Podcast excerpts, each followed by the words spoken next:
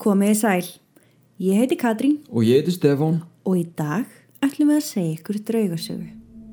En áður en við byrjum langar mig til þess að minna á áskriftasíðun okkar patreon.com skástrygg draugasögur. En með því að gerast áskrifandi færð þú fjóra auka þætti í hverju mánuði og jafnvel einhverjar mínisögur. Það er rosa lítið mál að gerast áskrifandi. Þú ferð bara inn á patreon.com skástrygg draugasögur og skráir þið þar. Um leið færðu allar upplýsingar sendar í tölvupósti. Þú getur náð í Patreon appið sem virkar í öllum símum og byrja þar strax að hlusta. Þið sem eru nú þegar orðnir áskrifandur, takk kærlega fyrir stöðningin. Við gætum ekki gert þetta án ykkar. Í alvöru. Við gætum það ekki. En ok, byrjum á sögunni. Sumir segja að inn í honum sé djöfull. Aðrir segja að á honum kvíli bölvun. En hvaða lengdarmál hefur þessi litli, gamli vinskápur að geima sem er eiginlega bara á stærð við lítið náttborð. Fólk verður fyrir alvarlegum veikindum, missir vitið og sumir hafa nánast mist sjónina. Eftirfarandi atbyrðir eiga sér stað á milli 2001 og 2020. Leifið mér að kynna ykkur fyrir The Dybbuk Box.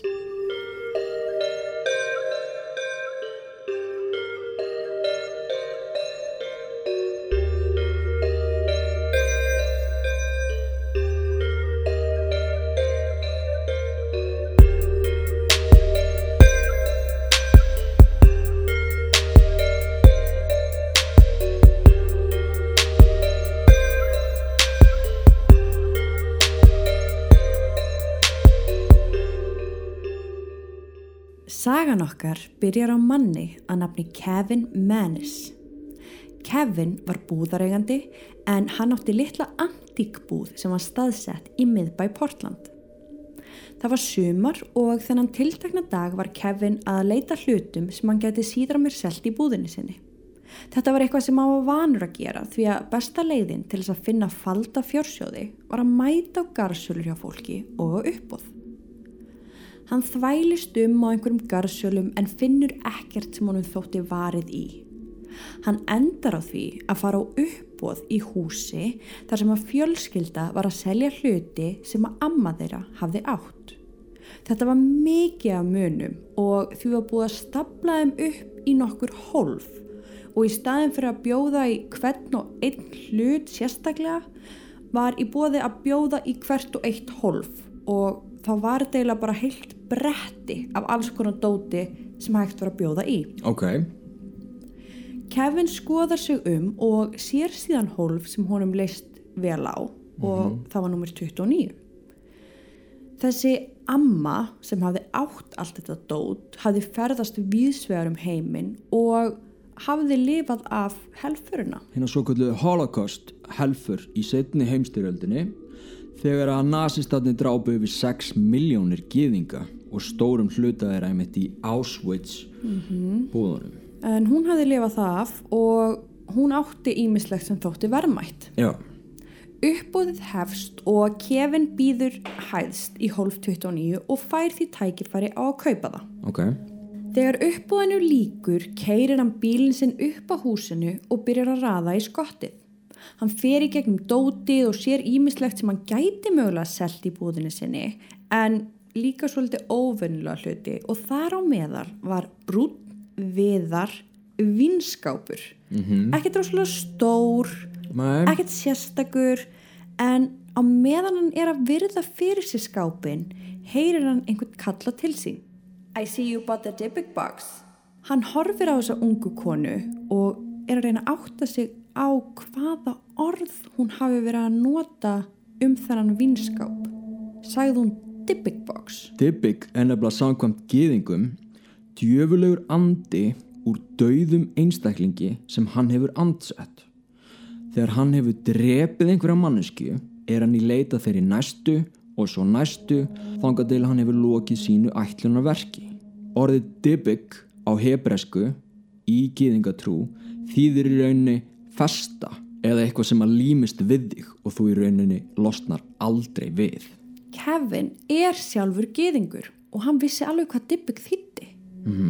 Konan útskýri þá fyrir honum að í hvert skipti sem einhver myndist á skápin við ömmu sína hafi gamla konan spýtt þrís og sinnum í gegnum fingur sér og sagt að það mætti aldrei opna þennan skáp. Kevin hlustaði á konuna segja þess að sögu um ömmu sína en brosti bara kurtisistlega og ákvaða að hugsa ekkert mikið meira um það en það var hann búin að kaupa heilt bretti af dóti og þetta var bara eitt hlutur af mörgum. Hann vildi bara koma öllu dótinu inn í bílinn og inn í antíkbúðina sína áður en hún myndi opna. Hann keirir að búðinni sinni og í rauninni þá lítur þessi búð út fyrir að vera pínu lítil þegar þú horfir á hana utan en hún er miklu stærra innan og fyrir neðan búðina er risastór kjallari. Kevin ber allar vörurnar niður í kjallara með hjálp Jane sem var starfsmæður hjá honum. Hann fyrir að gramsa í dótinu og tekur svo upp þennan litla skáp og setur hann upp á vinnuborðið sitt. Já. Hann fyrir að skoða hann aðeins betur eins og hann var að gera við alla hlutina sem hann hafði keift en hann sér að skápurinn er læstur með litlum hengilás. Þetta er bara svona típiskur hengilás sem við öll þekkjum. Já, svona á litlum ferðartöskum eða eitthvað. Já, og þannig að Kevin næri skrúfjarn og byrjar að pikka upp lásin. Um leið og hann næri að pikka lásin upp, opnast hurðina sjálfum sér. Þetta eru svona tvær hurðar sem að opnast út. Já, kassin er eiginlega smíðaður þannig að þú tekur í litlu skúfuna niðri og þá opnast báðar hurðirna samtímis. Þetta voða lekkert örgla á þeim tíma, samt alveg cool skilju, en í rauninni ekkert háþróaðara heldur en spiladós sem að syngur þegar þú opnar hana. Já, einmitt. Ég held samt að hann hafi kannski ekki endilega verið að búast við því. Hún er svona bræður já. svona kemur í hann. En inn í skápnum voru alls konar random hlutir sem meikuðu lítinn sens. Það voru, hvað segir maður, tvær pennies, Já, 2 cent. 2 cent frá 1920. Það var kertastjaki og lítil bjalla. Svo var líka stitta sem var búin til úr graníti og í hana var búið að grafa orðið shalom. Shalom þýðir bara kveðja á hebræsku, farðu vel með þig, farðu í friði, þangu til næst, shalom. Þarna inni voru líka tveir lokkar úr hári. Ú, Ok, smá svona side note. Við erum að segja söguna um The Dybbuk Box og við erum að einblýna á þann hlut. Kevin er kannski með 50 hluti og Já. heila antík búð. Hann er ekki að spá svona mikið í hverjum og einum hlut. nei, Þú veist, okkur finnst kannski creepy að finna þessa hluti læstaðin í gömnum skáp já, en Kevin held innilega að gamla konan hafi bara átt hennar vínskáp, sett alls konar hluti inn í hann, kannski einhverju ritual tilgangi en hann var ekkert að pæla neitt mikið meira í þessum skáp. Hann var bara að vinna fyrir honum, hann var bara að fara í gegnum dótið, svo setur hann það bara frá. nákvæmlega, eins og flest okkar myndir að gera. Já. Jane hafði unnið hjá Kevin lengi og var virkilega góður og tryggur starfsmæður. Þennan sama dag fyrir Kevin aftur út að sinna erendum og skilur Jane eftir í búðinni á samt öllum nýju hlutunum sem hann hefði keift á þessu uppbúði. Jane byrjar á því að ganga frá neyri kjallara eins og hún gerði alltaf þegar það komi nýjar vörur í búðina og svo ætla hún að fara upp og opna búðina eins og vanalega. En allt í einu fyrir hann að líða eins og einhver sé að fylgjast með henni. Þetta var mjög sérstakt því að Jane hafði unni hjá Kevin lengi í búðinni og oft verið einir í kjallara, oft klukkutímum saman og aldrei fundi fyrir neinu. Svo ringir síminn og hún svarar. Það er vinur hennar og þau fara að spjalla í einhver tíma. Á meðan hún er að tala í síman kemst hún ekki hjá því að horfa á mónitorana sem eru beint fyrir framan hana. En það voru myndabilar allstaðar í búðinu og í kjallaranum líka. Hún er að tala í síman en sér svo á einum skjánum að ljósið byrjar að flökta og að kústur sem stóð upp við borð var hrind beint áfram á gólfið. Og þetta fannst mér eitt pínleiti áhugavert af því að kústur sem að stendur svona upp við borð, ég meina hann getur alveg farið til hliðar. Já, Hann getur ekki farið beint áfram. nei, það, maður þarf ekki að vera eðlisfræðingur til þess að vita það. það þetta er mjög undarlegt. Já, Hún lítur betur á skjáin og sér að ljósið sem var að flökta var staðsett beint fyrir ofan The Big Box og kústurinn hafði staðið upp við borðið sem hann var á. Hún fær þarna tilfinninguna að það er ekki allt með feldu. Hún leggur tóli frá sér, slekkur ljósin og ætlar að fara upp stegan og inn í búð. En á leiðinni að steganum heyrir hún rosalega læti eins og eitthvað sé að færast til í myrkrunni fyrir framannana. Hún gengur þangað sem henni finnst hljóðið koma og ég tek það fram, það er ekkert svarta myrkur, hún sér alveg hvert hún er að fara. En hún er að lítast um og kallar The store isn't open yet. Þegar hún er nýbúin að sleppa orðinu kviknar aftur á ljósinu sem hún var nýbúin að slökva. Í kjölfarið heyrir hún gler brotna og alveg virkilega hátt bara eins og það væri gler að brotna út um allt. Þegar hún gengur áfram í áttasteganum stýgur hún á glerbrot og á sama tíma dettur stóll í veg fyrir hana. Hún hleypur tilbaka að símanum aftur og reynar að ringi Kevin. Á meðan er eins og allt sé að brotna í kringum hana. Hún byður hann um að koma strax og fyrir að reyna að útskýra hvað var að gerast. Hún segir honum að það væri einhver að lappa út um allt í kjallarunum sem var bæðu að reysa stór og eins og einhver var að brjóta allt með hafnaboltakilfu. En hún segir líka að hún sjáu engan, að það væri enginn þarna með henni. Kevin segir henni að ringja í laurugluna og akkurat í þeim töluðu orðum þá deyr síminans. Hann var ekki batterislaus, hann bara dó. Kevin er virkilega hrættur um Jane því hann heldur auðvitað að það sé bara einhver að brjótast inn í búðina. Jane hleypur um kjallaran, ljósinn flökta og það er gler að brotna út um allt. Hún hleypur á hörðinni sem leiðir upp í búðina en þá lokast hún að sjálfum sér og læsir Jane niður í kjallara. Kevin snýr tilbaka, hleypur inn í búðina en allt virtist með kyrrum kjörum þar. Hann opnar því næst kjallaradirnar en tekur eftir því að dirnar eru læstar utanfrá sem var skrítið af því að hann sjálfur hafði ekki læst því Jane var í kjallaranum þegar hann fór. Hann opnar, reynir að kveika ljósin en þau virka ekki. Hann er með vasaljós og þegar hann kveikir á því sér hann að öll ljósin í kjallaranum eru brotin og við erum að tala um svona stór flúorljós eins og er í skrifstofubyggingum eða á spítala. Loksins finnur hann Jane þar sem hún stendur stjörf. Um leið og hann sér hana öskrar hún á hann F.U. og hleypur upp stegan og út úr búðinni. Hún kom aldrei aftur inn í búðina eftir þennan dag. Ok, förum aðeins yfir þetta. Ef við reynum að finna eðlilega útskýringu á því sem gerðist.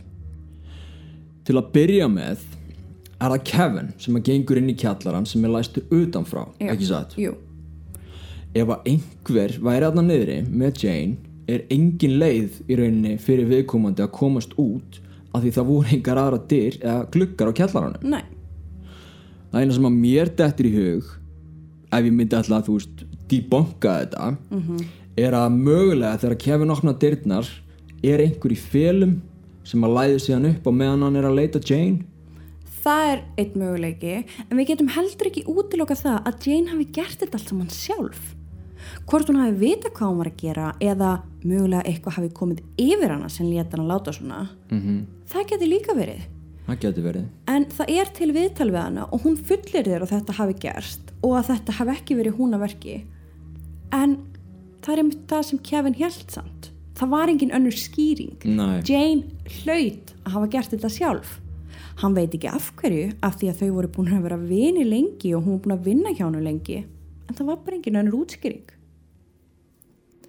Lífið hjælt áfram sinn vanagang í lífi Kevins. Þann 28. oktober átti móður hans ammæli og hann var búin að skipulegja hátegisverð með henni þann daginn. En mamman mætir í búðina aðeins fyrir opnun og Kevin ákveður að gefa henni ammæliskefina áður en þau fara út að borða. Hann segið um mömmu sína að hann ætli að gefa henni svolítið óvenjulega gjöf þetta árið. Mammans var vön að fá skrýtna gjafir. Maðurinn hennar hafði til dæmis alltaf á hverju einasta ári gefið henni köplóttan jakka í ammæliskjöf að því hann vissi að hún þóldi ekki köplótt og þess vegna myndi hún alltaf fara og skipta jakkanum og kaupa sér eitthvað sem hún raunverulega vildi. Wow, classy, ok Kevin var svipaður í gjafavali á pappi sinn og var vanur að gefa mömmu sinni einhverja furðulega antikluti sem hann hafi fundið á garsölu. Hún kemur sér þarna fyrir í stólinn í búðinni og opnar pakkan frá sinni sínum. Og viti menn, hann gaf henni The Dybbuk Box. Á sama tíma ringir símin og Kevin stekkur frá til þess að svara. Mamman situr á meðan einn þann í búðinni á móti vínskapnum og starir á hann og hún segir að það hafi verið eins og skápurinn var að stara á hana tilbaka. Hún beigir sig örlíti nær honum til að skoða hann betur. Hún kemur við hann, skoðar hann og ákveður svo að opna hann. Hún dregur skúffuna út og um leið opna styrnar og ískaldur gustur kemur út úr skápnum beint í andlitið á henni og hún segir að hún hafi fundið fyrir pjúr ívúl um leið og skápurinn var opnaður. Hún horfir á skápin og finnur ennþá fyrir kalda loftinu sem kom út úr honum. Hún fellur aftur í stólinn lömuð og áttar sig á því að hún er að fá heila blóðfall. Hún finnur hvernig munnurinn á henni byrjar að skekkjast og vísa niður og augað á henni verður latt. Hún heldur samt áfram að stara á skápin og hugsa með sér að svona sé döðin. Hún er að fara að deyja. Kevin er niðri. Mun ég deyja áður en hann kemur upp. Starfsmaður í búðinni sér þá mömmuna og kallar á Kevin. Hann leipur upp, kallar á mömmu sína og það eina sem hún gætt gert var að benda á skápin. Hann ringir í sjúkrabíl en mamman reynir eins og hún getur að benda á skápin og vara svon sinn við þessu illa afli sem kom þaðan út en hún gætt ekki talað. Það eina sem hún gætt gert var að horfa á hann og Kevin sér að mamma sín er að reyna að ná sambandi við sig í gegnum augun og hann segir að það sem hann sá var sjúgleg hræðsla og það eina sem hún vildi að hann myndi skilja var hversu mikilvægt það væri fyrir hann að losa sig við þennan vinskáp The Dybbuk Box.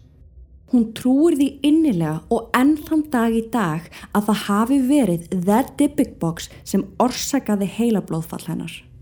Hann hefði kannski átt að velja aðra gjöf, saðan svo setna mér, en hann bjóst ekki við því að þessi skápur væri neitt annað en það sem hann var. En ok, eftir að mamman slendur í þessu fer Kevin að setja saman tvo og tvo. Okay. Þetta fyrðulega atvik með Jane hafði átt sér stað dægin sem skápurinn kom inn. Og mamman sem hafði alltaf þótt hilsurhaust þanga til hún opnaði skápin lendir svo í þessu. Já, ok, hann er að setja saman 2-2 hann er að fatta þetta. Honum er hægt að lítast á þetta svo hann ákveður að reyna að selja skápin Já, og svona eina sem hún dættur í í selan. Já, flott. Það koma eldri hjón inn í búðinans og kaupa skápin stöttu setna og Kevin var ánaður að hann var í farin skápurinn var ekki lengur á hans ábyrð og hann var bara sáttur að hafa náða að selja hann fyrir smá pening. Nokkrum dögum síðar heyrir hann bjölluna á hurðinni í búðinni sinni fara í gang eins og einhver var að fara inn og svo aftur út hann gengur á hurðinni og sér þá skápin setja í dýragættinni og á skápnum var miði sem á stóð This has an odd darkness about it. Hann bjóst alls ekki við því að það væri svona erfitt að losa sig við skápin. Engin vildi kaupa hann og eina fólki sem fekk slóksins til að kaupa hann skilaði honum. Kevin vill helst ekki hafa skápin nálagt sér. Ekki af því að hann var vissum að það væri eitthvað djöfulegt aflfast við hann, en hann vildi samt ekki taka sjansinn. Hann ákveður að keira með hann í geimslu sem hann var að leia undir alls konar dót skamt frá og geima hann þar þanga til hann geti fundið út hvað hann geti gert við hann. En mjög fljótlega fara hlutirnir að ágerast. Hann byrjar að dreyma sama draumin nótt eftir nótt. Draumurum var þannig að hann var að ganga úti með einhverju sem hann þekkti. Það var ekki endilega alltaf sama manneskjan en alltaf einhver sem honum þótti bæntum samt. Draumurinn var góður en svo allt í einu þá snýr þessi manneska sér við og er það búin að breytast í ljóta skeppnu og þessi skeppna byrjar að rífa hann í sig. Þetta gengur svona í nokkrar nætur, alltaf sami draumurinn og alltaf sami endurinn. Eitt morgunin þegar hann vaknar upp frá þessari martröð finnur hann mikinn sásöka á bakinu. Hann fer úr bólnum sem hann svafi og lítur í speil. Hann er allur marinn. Allt bakið á honum var út í marblettum, stórum marblettum. Það var þarna sem hann áttar sig á því að það var eitthvað mikið að og eina sem honum datt í hug var að eitthvað fyldi The Dybbuk Box og það væri að orsaka þessar martræðir og núna marbletti. Hann varð að losna við skápin. Loksins er hann að tengja hans meirinn 2 og 2 og hann er að fatta hversu alvarlegt þetta er. Já. Hann hafði selt mikið af munum á eBay í gegnum tíðina og ákveður að reyna að selja skápin þar. Hann ákveður samt að vera heiðarlegur og skrifar nákvæma lýsingu sem hann lætur fylgja með auglýsingunni. Þar tekur hann fram að skápurinn sé kallaður The Dybbuk Box og að hann hafi keift hann á garsölu.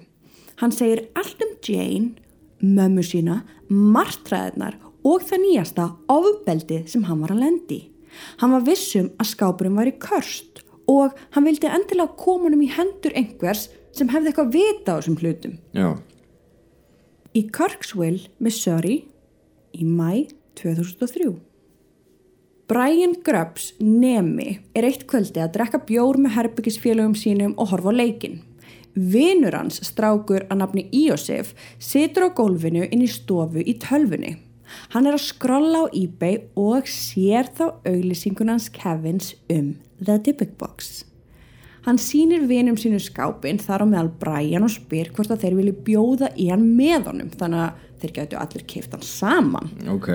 Brian líst ekkert út það að fara að kaupa vínskáp. Næ. Fyrsta lagi sem, að, Var svona haunted. sem var haunted og eiginlega pínu lítill. Já, komst, komst vallan eitt í hann. Nei. Þannig að hann afþöka bóðið og það gerir þriði vinurinn líka. Ok. Þremur vikum setna kemur Brian heim úr skólanum og um leið og hann opnar útidyrnar tekur á mótunum sterk og súr hlandlikt. Mm. Hann tekur fyrir nefið og gengur inn og sér þá kassa, pappir út um allt og þessi rusl slóð virtist leiða inn í eldús. Hann gengur þangað inn og þar sér hann The Dybbuk Box á eldúsborðinu. Íosef, herbergisfélagi hans, keifti skápin og hann stendur við hliðin á honum brosandi. Næ. Brian horfir á skápin og vinsinn og fær smá hnút í magan. Af því að honum hafði alls ekki litist á þetta bref frá fyrri eigenda skápsins sem hann hafði lesið á eBay. Ó, það skil ég vel. En hann vill ekki líta út fyrir að vera auðli fyrir framann vinsinn. Úst, hann á að sjálfsög ekki að vera hrættur við vinskáp. Það er nei. Þannig að ok. hann hlær, hristur hausinn og gerir grína í sig fyrir að hafa eitt peningum í gamlan ljótan skáp. Sama kvöld eru félagarnir að tala saman og Brian spyr Íosef hvað í fjandanum hann ætla að gera við hennan skáp. Íosef sem var bloggari segir vinum sínum að hann vilji gera tilraun sem hann vil svo deila með lesendu sínum. Hann ætlar að sofa með The Dybbuk Box hliðin á sér og blogga um þá reynslu. Hann var svo ekki með kærustu þannig. Nei, hann var forvitin að vita hvort að eitthvað myndi gerast og á sama tíma var hann vissum að hann fengi fleiri til þess að lesa bloggið sitt. Hann skrifar á bloggið sitt I've been sleeping with a Dybbuk box next to my bed for about a week and a half now. No bad dreams, no withered hag hunting me. Það var alveg rétt hjá Íasif, bloggið hans varð súper vinsælt út um allan heim og þeir félagarnir fóru að nota þessa vinsældir með því að bjóða fólki, sérstaklega stelpum, í partí þar sem þeir sögðust alltaf að leifa fólki að sjá hinn hættulega vinskáp The Dybbuk Box. Það var mikil spenna hjá fólki að sjá skápin og í eitt skipti ákveða þeir að prófa að opna hann í miðju partíi. Þeir vara alla gestina við að fólk gæti lendi því að fá martraðir að eilífu og að allir væru þarna inni á sinni eigin ábyrð. Fólk flissar eitthvað og Íosif horfir á stelpuna sem situr hliðina á honum glottandi.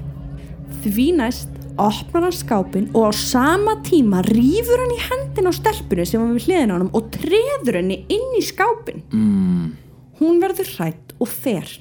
Íosif heldur áfram að sofa með skápin hliðin á sér og blogga reglulega um hann. En lífið heldur áfram hjá strákonum og hægt og rólega eru herbyggisfélagar hans hættir að spá í þessum vinskáp. ok En svo byrja alls konar furðulegi hlutir að gerast í þessu daglega lífi hjá þeim. Ráftæki bila, rafmagni byrjar að fara af íbúðinni reglulega og ljósaperur springa. Úf, ok Tölvurnar hjá þeim hætt að virka og að lokum lendir í því að tölvan hans krassar. Hjá bloggarinu sjálfu Já, Það er ekki gott hann skrifar á bloggi sitt I had to replace my laptop and electronic devices seem to be dying every day. Xbox, toaster, TV, and watches. Brian vaknar svo einn morgunin og er að klæða sig í skó, gera sig tilbúin að fara út og þá kemur einn vinur hans út úr herbygginu sínu og Brian sér að hann leit rillilega illa út. Ok Hann var með blóðsprungin augu og virtist bara svona ringlaður. Síðan byrjuðu kakkalakkarnir að byrtast. Fyrst í kringum og ofan á skápnum. Síðan í glugganum fyrir ofan skápin og endanum voru þeir út um allt hús. Ofan í vöskum, niðurföllum, matarborðum, bara allstaðar. Íosif skrifar á bloggi sitt. A few days after these annoyances started, our house was filled with bugs for several hours. Mánuður líða og strákarnir fara að sjá minna og minna af Íosef sem er byrjar að einangra sig inn í herbergi með skápin. Hann skrifar á bloggi sitt. I'm seeing things in the corner of my eye, but most disturbingly, last Tuesday, my hair started falling out. Maybe it's stress, I don't know. Today it's half gone. Og hann heldur áfram. Anyhow, for personal reasons, I really don't want this box anymore. Truman State University Museum, 4. februar. Jason Hexton, sem var svona yfirvísindamæður á þessu safni, hafði fylst með sögu The Dybbuk Box í gegnum bloggið hjá Íosef og var spenntur þegar hann sá að Íosef hafði sett hann á uppbúð á eBay. Jason býður fyrst 50 dollara í skápin, en fljótlega bætast fleiri hópin og endanum næran að kaupa hann á 280 dollara. Ok Jason var fyrst og fremst maður vísindana og hann vildi skoða hennan skáp í þeim tilgangi. Af hverju var þessi skápur að gera fólk veikt og alveg svo veikt að það fekk heilablóðfall við það eitt að snertan? Hann fær skápin sendan á skrifstofuna sína. Hann var auðvitað á því að það væri einhver síking sem fylgdi þessum skáp þannig að hann nálgaðist hann varlega. Hann byrjar á því að skoða kassan með black light og sér að það virðist vera að kertavaks hafi lekið á skápin. Líklegast hafi kerti eitt sem verið ofan á skápnum og kertavaks hafi lekið niður hann. Þegar hann opnar skápin og sér þess að þurðulegu muni sem eru þar inni, fer honum sterklega gruna að skápurinn hafi raunverulega verið notaður í einhvers konar ritual. Já, ok Þurfti allt þetta til. hann verður smá skeptískur eða hann í rauninni verður svolítið undrandi af því að það gerðist ekkert þegar hann opnaði skápin. Mæ, mæ Hann bjóst við að finna fyrir einhverju svona með að alla sögutunum skápin en það var ekkert. Nei. Hann fann ekkert. Hann gerir einhverja rannsóknir á skápnum næstu dag og allt kemur tilbaka neikvætt. Það var engin vísindaleg skýring á því af hverju fólk veiktist við það eitt að snerta skápin. En mér finnst þetta frábæst að það kemur, komið þarna efasemdamaður mm. sem er vísindamaður mm. og hann ætla bara að debunka þetta í drasl hann ætla bara að komast til botts í þessu máli Já. En allt í einu byrjuðu skrítni hlutur að gerast í vinnunni hjá Jason. Tölfur fór að bila, ljósaperur sprungu í kringum kassan og starfsfólk fór að verða veikt. Á endanum tók starfsfólk sig saman um það að Jason yrði að fjarlæga skápin burt frá vinnustanum. Og tökum í dæmið, þetta er fullt af akademísku Vísindum. fólki. Já, Þa, þetta er trúverið fólk bara með, með vísindin á bakvið Já, bara með gráður og, en, en þau vilja samt kassa út, takk fyrir. Einmitt. Því að skrýtni hluti byrja að gerast um leið að hann kom inn. Akkurat. Jason setur skápin í skottið á bílum sínum að vinnudegiloknum og keirir heim. Hann vissi ekkit hvert hann ætlaði að fara með skápin í rauninni. Hann vissi ekkit hvað hann ætti að gera við hann, þannig að hann ákveður að skilja hann bara eftir í bílnum um nóttina. Já, ok. Hann svaf ekkert þessa nótt. Jason hafði aldrei átt erfitt með svefn en þessa nótt fekk hann martröð aftur og aftur og martröðin var alltaf eins. Hann var að ganga með manneski sem hann þekkti vel og þótti væntum. Að lokum snýr manneskan sér við og er það búin að breytast í ógeðslega skeppnu eða afmyndaða norn sem ræðst á hann og fyrir að hakka hann í sig. Hljómar kunnulega. Mm, já, alveg svo að Kevin fekk. Nákvæmlega sama martröð og Kevin fekk. Hann vakna morgunin eftir svo þakklátur að þessi skelvilega nótt var á enda. Konan hans sefur enn við hliðin á honum þannig að hann læðist inn á baðherbyggi, fer á klósitið, busta þennurnar og lítið svo í speil. Hann fær sjokk. Augun hans eru blóðrauð og sprungin. Wow, Alveg svo ok. gerist fyrir hérna herbyggisfélagan. Já, Honum líður alls ekki vel. Hann tekur inn verkelif og leggst út af. Um kvöldið situr hann með ungum sinni sínum inn í stofu og þeir feðgar er að horfa á sjónvarpið. Jason líður alls ekki vel. Þannig að hann er bara svona að dotta í sófanum á meðan strákurinn horfir spenntar á mynd í sjónvarpinu. Allt í einu kallar sonur hans hátt. Dad, what is that? Jason rekkur við og sér þó risastóran svartan massa upp í horninu. Þetta var eins og svartar eldtungur sem voru á hreyfingu. Hann þurfti ekki að sjá meira. Hann vissi að þetta var skápurinn en hann vissi ekki hvað hann átt að gera við hann. Þetta fóð svo bara vestnandi næstu daga. Martræðarnar heldu áfram. Hann fór að missa sjónina. Fjölskyldumeðlimir fór að finna fyrir öndunarerfileikum. Hann fekk málmbræð í munnin sem endist í margar vikur og hann sá endalis og skugga á heimilinu sínu. það hlaut að koma að því. Ég meina, loksins allavega fjekk hann nóg. Hann var búin að skoða vísindarlega hliðin á skápnum og það hafði ekkert komið í ljós. Ekkert af þessu var að make an it sense. Hann fattar allt í einu að ef það er eitthvað fast þarna inn í þessum skáp þá hefur hann hlifti út. Já, Þannig að hann þarf á einhvern hátt að ná að loka það aftur inni. já, Þau hjónin áttu hús sem þau voru að leia út en akkurat á þessum tíma stóða aukt. Hann ákveður að einangra skápin og fer með hann neyri kjallara. Þegar hann gengur niður stegan kemur sterkur vindur á mótonum. Ljósið fer að flökta og hann þarf að hafa sig allan við að komast niður í kjallara. Hann nær á einhvern hátt að komast niður þrátt fyrir vindin sem blés á mótonum og þarna voru byrjuð að heyrast alls konar furðulega læti. Hann setur skápin frá sér, hleypur upp stegan og skellir hurðin í lás. Hann keirir heim og ákveður að reynsa sjálfan sig. Honum fannst hann verða að reynsa skápin af sér, ef svo mætti segja. oh, ok, ég skil það. Hann lætur enn í bað og liggur þar í smástund en allt í einu hellist yfir hann ógleðist tilfinning. Hann þarf að guppa. Núna. Hann nær að skrýða upp úr baðinu á gólfið og svo byrjar að vella upp úr honum slím. Hann kúast og meira slím kemur út um munnin og nefið. Hann hafði aldrei séð eitthvað þessu líkt koma upp úr sér áður. Eftir að hafa verið að kúast á gólfinu í örglega gott kortir heyrir hann konuna sinna öskra nafsitt. Hann heyrir hann að hlaupa upp stegan og hún byrjar að banka á baðhröfgistyrnar. Þegar hann opnar stendur konan hans á mótonum og hann sér að höndin hennar í kringum úliðin er öll í blóði. Hún hafi verið að setja í þvóttavél og tekið upp buksutnar sem Jason hafði klæðist hennan dag og þá sá hún blóð byrja að myndast í kringum úliðin. Sári var svona eiginlega eins og einhver hafi kannski vafið gattavýr í kringum hendina á henni og byrjaði að blæða úr því. Jason áttar sig á því að það var ekki nóg að fela skápin. Næ, Hann ákveður að hafa upp á fyrsta eigandanum, honum Kevin. ok, Kevin fær símtali einu nóttina og þegar hann tekur upp tólið og Jason er búin að kynna sig og minnist á skápin þá skellir hann á. Hann segir setna meir að þetta hafi verið ósjálfráð viðbröð hjá honum.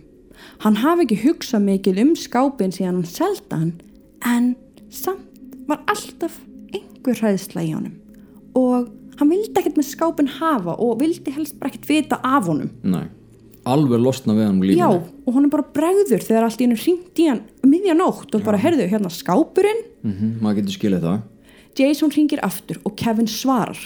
Jason grátbyðar hann um að skella ekki á. Hann segir Kevin alla söguna og hvernig The Dybbuk Box endaði hjá honum. Hann segir honum frá öllu sem hafði gerst fyrir strákin sem átt hann á undan honum og hvernig skápurinn var núna að hafa áhrif á líf hans. Þeir tala saman í smá stund og Jason byður Kevin að hafa upp á eiganda skápsins sem sagt konunni sem hafði selt honum skápin í byrjun. Já, því að þeir yrðu bara að fá svör. Já. hvaðan kom sér skápur og hvernig geta þær losa sér við hann? Og hvaða bölvun er á honum? Nákvæmlega. Kevin fjælst á þetta og hann fer aftur í húsi þar sem hann hafði keift The Dybbuk Box á garsölu nokkrum árum áður hann dingla bjöllinni og unga konan sem hafði talað við hann daginn sem hann keifti skápin kemur til dyra Kevin útskýri mál sitt en konan byður hann bara vinsanlast um að fara Hann sér að konun er fúlast alvara svo hann bara snýr við og byrjar að gangi burt þegar hann heyrir gamla konu kalla. Hann lítur við og sér að hliðin á ungu konni stendur gömul, lítil kona. Konan kynni sig, segist þetta Sophie og að hún hafi verið frænka konunar sem átti skápin fyrst. Og ég ætla samt bara að segja að það eru til nokkrar útgáfur af því hvaðan þessi skápur kom. Já, Hérna er allavega ein útgáfan. já, Þessi frænka segir honum að þær tvær hafi búið í Pólandi já, fyrir World War II og hún útskýrir að á þeim tíma hafi fólk verið mjög forvituð um anda og djöfla og það var alls ekki óalgengt að fólk færi alls konar leiki til að reyna að ná sambandi fólk að handan. Þetta er bara eitthvað svona ákveðin bóla sem kemur upp. já, Hún segir honum frá því þegar þær frængur voru heima á sér í Pólandi ásamt vinafólki að þau hafðu öll verið að fykta með andaglas. En kannski ekki alveg andaglas eins og við þekkjum í dag. Hún, hún lýsir í þannig að hafi, þær hafi verið búin að hérna, sauma svona dúk ok, og á dúknum voru stafirnir já, Já. og nei og í staðin fyrir glas eru það að nota svona pendul ok, og pendullin fer síðan á af stað og getur svona communicatað. já, Eftir að hafa verið að fykta við þetta í heilt kvöld var eins og þau hefðu náð sambandi við anda sem fór að svara spurningum þeirra. Andin hafi þó fljótt byrjað að spyrja þær spurninga. Hann hafi beðið þær um að frelsa sig frá þessum dimma stað og að þær yrðu að gefa honum leifi til að koma í gegn. Þær þyrtu að bjóða honum inn. Í sakleysi sínu gera þær það og um leið fór borðið að hristast, ljósa perur sprungu og það var eins og það væri stormur inn í herbyrginu sem þær voru í. Dót fór að detta neyr af hillum, blöð þeittust út um og síðan sáu það rísastóran svartan massa byrtast í horninu á herbyrginu. Þetta var The Dybbuk sem var komin inn í þeirra heim og þær sjá hann deytast um herbergið í svona svörtu skuggaformi. Þær ná á einhvern hátt að klófesta þennan skugga inn í skápin og læs honum. Mm. Og þess vegna hafði amman alltaf banna fólki að opna skápin. og lásindastna hafi verið á honum What's inside is so dark and so terrible. Sko, svo við tökum smá spjall Ok. Þetta er ekki frálegt að því að þeir sem hafa áskrifundir sem hafa hlusta á sögun okkar um Backford fjölskyldina þetta var það nákvæmlega sama og gerðist þar Já, heyrðu, ymmið þarna með svörtu eld. Já, Akkúrat. ok. þannig að þarna er andin að segja herðu nenni þú að bjóða mér inn -hmm. það þarf bara að gefa þetta ok og hann kemur uh, við höfum töl- talað um þetta áður það er í rauninni hvað sem er sem hægt er að nota til þess að opna portal Rétt. andaglas er alltaf no-no -hmm. þú ert að tala um sko, þvílíka sorg sem á sér stað frá svo mikið af fólki í Á þessum tíma, já, í fangabúðum og á þessum tíma. Mhm. þannig að ég get rétt ímyndað mér allar þessar tilfinningar og öll þessi orka sem að saminast þarna. Mhm, og það eru svona skipta skoðanur á því sko hvort að hvort að Kevin hafi í rauninni sko keift hennan kassa af þessari konu. Hún hafi þarna verið orðin 130 ára. Hún sjálf hafi í rauninni selt hennan kassan En í- já, en í þessari útgáfu sem ég var að segja sko, þá er það, þá er hún látin. Já. þannig að það er alveg mismund en, en, en eitt er samt einhvern veginn alltaf rétt og það er það, að hann fekk skápin frá henni já, og einhvern veginn frá Pólandi já, Þa, það er alltaf sami grunnurinn Já, og, það það, og það, það er ekki takt að neita fyrir Nei. það sama hvernig hann komst í hendunar Einmitt. ef ég enda bara söguna svona nokkuð deginn, sko, mína söga því þú ert að koma að segja með allt annan, allt annan pól Já, já. Sko, en þá hafa þeir samband við Rabbaja og gera ritual á kassanum og Mm. hann heldur áfram að eiga hann, Jason og hann bara felur hann og hann segist bara hafa grafið hann já, og hann er bara sealed, hann er bara lokaður hann ætlar ekki að segja neinum hver hann er aldrei og hann er búin að byggja svon sinn um að grafa sig með kassanum. Teka Ok. samt fram að svonurinn neitaði þessari bón. Já, eðlilega. Um, þeir sem halda að þetta sé hóks já, þeir sem halda að þetta sé ekki rétt þeir geta endilega að tala við þess að hvítu sloppa sem að, sem að fríkuð út og Nei, það er allavega þá er, er allavega eitt víst. Já, alveg víst, að allir sem áttu skápin að þeir veiktust. Já, og allir sem áttu skápin lendi í rammaksveðsynni og allt þetta basic sem við höfum oft talað um í sögunum okkar allt þetta basic sem gerist lendi allir í því. Ok hérna nú líða nokkur ár eftir að Jason er búinn að fela hennan kassa á einhverjum ánændum stað hann segir ekki neinum hvar. En hann var semst að ljúa Ó, hann ætlaði daginn að selja. Nú, og þar kemur að Zack Bagans. Rétt. Zack er góðu vinnur okkar úr Ghost Adventures sem er að okkar mati náttúrulega bara bestu sjónvastættir sem hafa verið gerðir síðan leiðarljós var að rúf, ekki satt Það voru sögursagnir um það að þáverandi eigandi kassans hafi donatað kassan í safniðan Zack sem er The Haunted Museum í Las Vegas og svo að þið áttið ykkur á því þá er þetta safn eins og að kvöldsafnið hjá Ed Lorraine Warren -hmm. sinnum svona þúsund Þannig eru sennilega hættulegustu munir í heiminum Morðvopn, Aska Charles Manson Devil's Rocking Chair Bíl sem raðmorðingi átti Stóllin sem að Michael Jackson lést í Stíin og jarðvegurinn í Demon House og þannig mætti lengi telja. En sanna sagan er auðvitað svo að Zack Bagans borgaði nokkrar miljónir til þess að kaupa The Dybbuk Box árið 2017 Ok, Kassin á sig núna sér hæð í tvöföldu herbergi varlega varin skoteldu gleri umkringdur seigi og salti.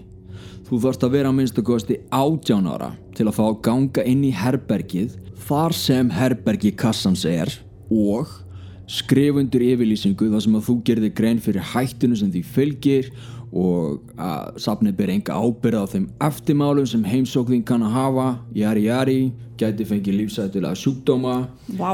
dáið kvalafullin dauða og bara, bara svona basic smádrein Ok, Starfsfólk Sapsins hefur orðið fyrir gríðarlegri ásókn. Skuggaveru sjást að reglulega í námynda við Dybbuk Box og hafa nást á myndavælum. Fólk fær snögg reyðisköst alveg úr þurru, upplifir ógleði og verður mjög veikt. Eila það sem við verum að lýsa hérna á það. Margir fáum eitt þrálátar martraðir svo vikum og mánuðum skipti eftir heimsókn þeirra í þetta herbergi. Fólk finnur fyrir miklum kvíða og þunga og óútskýrð stór gött hafa myndast í veggjum í herberginu og dældir líkt og hvað sem það er sem að leynist inn í Dybbuk Box sé að reyna að brjótast út úr þessari einogruna veist. Það sem fæstir vita þó er að það eru til tíu kassar í heiminum sem bera hins svo kallaða Dybbuk anda. Þó þetta sé, ef segja má, höfuð allra hinna og sé svo hættilegasti. En já, tíu Dybbuk Box og Zack á tvo þeirra. Hinn er pínu lítill og líkist einna helst svona litlu skarkrýpaskríni en allir eiga þeir að tengja saman svo kallu Big Box 3 og trónir þar okkar yfir öllum hinum sex önnur minni Big Box eru í enga eigu mismunandi eiganda sem vilja ekki láta nafnsins getið. Eins og áður þá á Zack tvo þeirra en hinnir tveir hafa aldrei fundist og er ekkert vitað um afdrif þeirra. Ok. Ghost Adventures eins og ég og þú vitum hafa tvisvarsinnum ráðist til atlegu og ætla að opna The Big Box. -hmm. en gerðu það samt ekki fyrir inn í byrjun 2020 þegar að fjagur að þátt að serja þeirra um lockdown í miðju COVID voru gerðir í síðasta þættinum opnaði loksins kassan og hinn minni og leggja ofan á Þeir eru með Spirit Box í gangi en þar heyrist klárlega einhver segja Kevin Hvað heit antikbúa gæðin okkar áttur? Kevin. Þeir taka SLS kameru sem er svona hönnuð út frá Xbox leikjartölvu sem nemur hreyfingar einstaklinga og nær þar að mappa út veru sem er ekki sjáanleg með berum augum. Um leið og Zack opnar kassan sést svartur skuggi með augu fara út úr kassanum. Já, Við sáum þetta. Já, já, já, þetta var ógulegt sko. Og örgulega einhverju sem hafa síðan á þátt, væntanlega, og vita hvað við erum að tala um. einmitt, við hvetjum annars fólk bara til að tjekka á þessu -hmm. en ef við myndum bakka nú aðeins hann kaupir hann hann 2017 af þessum Jason. -hmm. árið 2018 fór tónlistamæðurinn Post Malone góður vinur Ghost Adventures og hefur meðal hans komið fram í þætti þeim hann fer í heimsókn hjá Zack á safnin hans The Haunted Museum. Þessi heimsókn var ekkert efni fyrir sjómastátt eða nýtt. Nú, nei, þetta var bara tveir vinir og hann bara hei geti komið í heimsókn og mér langar að sjá hann á Debug Box sem allir er að tala um og Zack náttúrulega býði félagið sinnum bara inn á safnið sitt og tekur það upp samt á meðan. nei, þetta, þetta atvik sem hann náðist það var bara örgismyndaðil Ó, ok. þannig að þetta var aldrei það var aldrei ætlað að opinbera þetta neitt Mm, ég skil. Já, Post Malone byrði náttúrulega um að fá að sjá hinn allranda The Big Box og Zack fylgir honum inn svo verða þeir báðir alveg bara keksu rugglaðir víst og það máli sjá á myndbandinu að þeir eru ekki alveg þarna með öllum mjalla sko. Ok. Zack hafði náttúrulega aldrei opnað kassan áður en á emitt á örgismyndaðil þá sérst Zack snertan fyrir aftanan stendur Post Malone og ríuheldur í öxlina á honum -hmm. sem á samkvæmt kenningunni að vera alveg nóg til að bölvun væri möguleg -hmm. það sem einkennir þessa heimsóknans er ekki bara það hversu loðandi hrættari voru en það var þetta ekki ofinbært strax heldur það sem gerðist eftir það Því skömmu síðar nær engaflögul rapparans rétt svo að lenda, nöðlenda, notabene, eftir að tvö dekk velarinn sprungu með tilhærandi hættu. Hann slapp ómeitur og sömulegis áhefnin. En mjög tæft enga síður og var hann bara í miklu uppnámi, Ok. skiljanlega. Já. Nokkrum dögun síðar er brotist inn á heimilans og talsverðum verðmætum í engaegu hans var stólið og reyndist honum rosalegt fjárhaslegt tjón. Það var greinilega svona rosaleg ólauka sem að fylgdi honum því það gekk vist á ýmsu hjá honum einnig líka bara í engalífi kappans. Ok. En það er samt ekki allt. Því viku eftir innbrotið á heimilans þegar hann er keirand á hraðbraut í LA á Rolls Royce-num sínum lendir hann í hörðum árekstri við annan bíl. Útlitið var alls ekki gott en hann lifði slísið af. Anna var samt að segja um þú veist bara andlega heilsu hans eftir þetta allt saman og það er meðal hans bara getið á plöta hans, beer bongs and Bentley sem hann gaf út þetta örlega ár og, og margir ádáðandi þekka. Hann trúði allan á sjálfur að þetta mátti allt rekja frá því hann var þarna með The Dybbuk Box. Ok, þetta er alveg ótrúlega stór saga og, og þetta er ótrúlega stór saga sem við erum að tala um núna. Þú veist, það er búið að búa til kvikmyndir um þetta. Það er búið að skrifa nokkra bækur.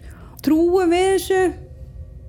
Að sjálfsögðu þetta er einn af mest haunted objects í heiminum hvort sem að það er Dybbuk eða einhver so-so demon eða bara einhver djöfuleg vera eða bara eitthvað annað. -hmm. við veitum það ekki.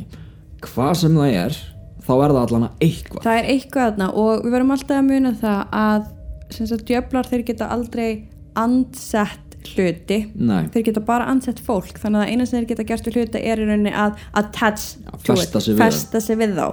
Og ég held að það sé alveg rétt. Ég held Já. að það sé alveg rétt að það er eitthvað fast við hennan kassa eins og með Annabelle dúkuna þannig er eitthvað attached. Já, við erum búin að rífast um það hvor er meira haunted, ég segi Annabelle. Ég segi Dybbuk box. Ah, hvað segir þið?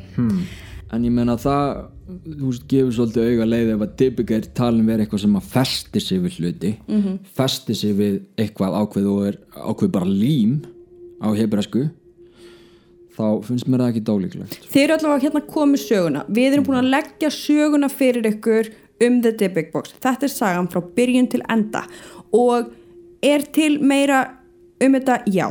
Eru til alls konar kenningar um þetta? Já.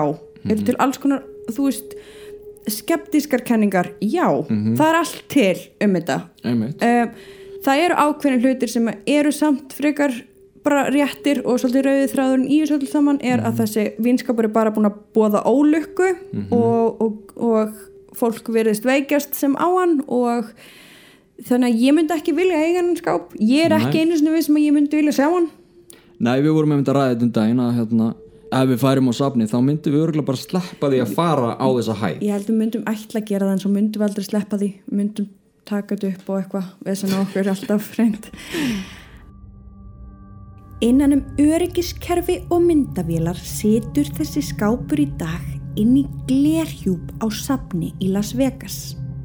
Hann kvelur heimsóknargesti sem eru svo djarfir að líta á hann augum og orsakar þungar tilfinningar hjá öðrum. Eru þetta allt saman endalausar tilviljanir hjá fjölda fólki? Eða er eitthvað hræðilegt ofar okkar skilningi fast við þennan gamla vinskap? Þórið þú að sjá hann?